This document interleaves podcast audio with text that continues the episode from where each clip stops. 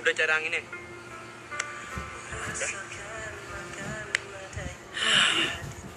Kalau aja dia tahu perasaan gue, gue juga suka sama dia. Nah, terus kenapa kalau terima, Joy? Amara tuh baik, cantik. Kurang apa lagi? Lu masih sakit hati ya gara dibully sama dia? Enggak, enggak, yo. Begitu. Gue tahu dia suka sama gue bukan karena gue sebagai Joy.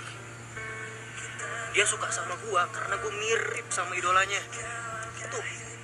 Helah, Joy.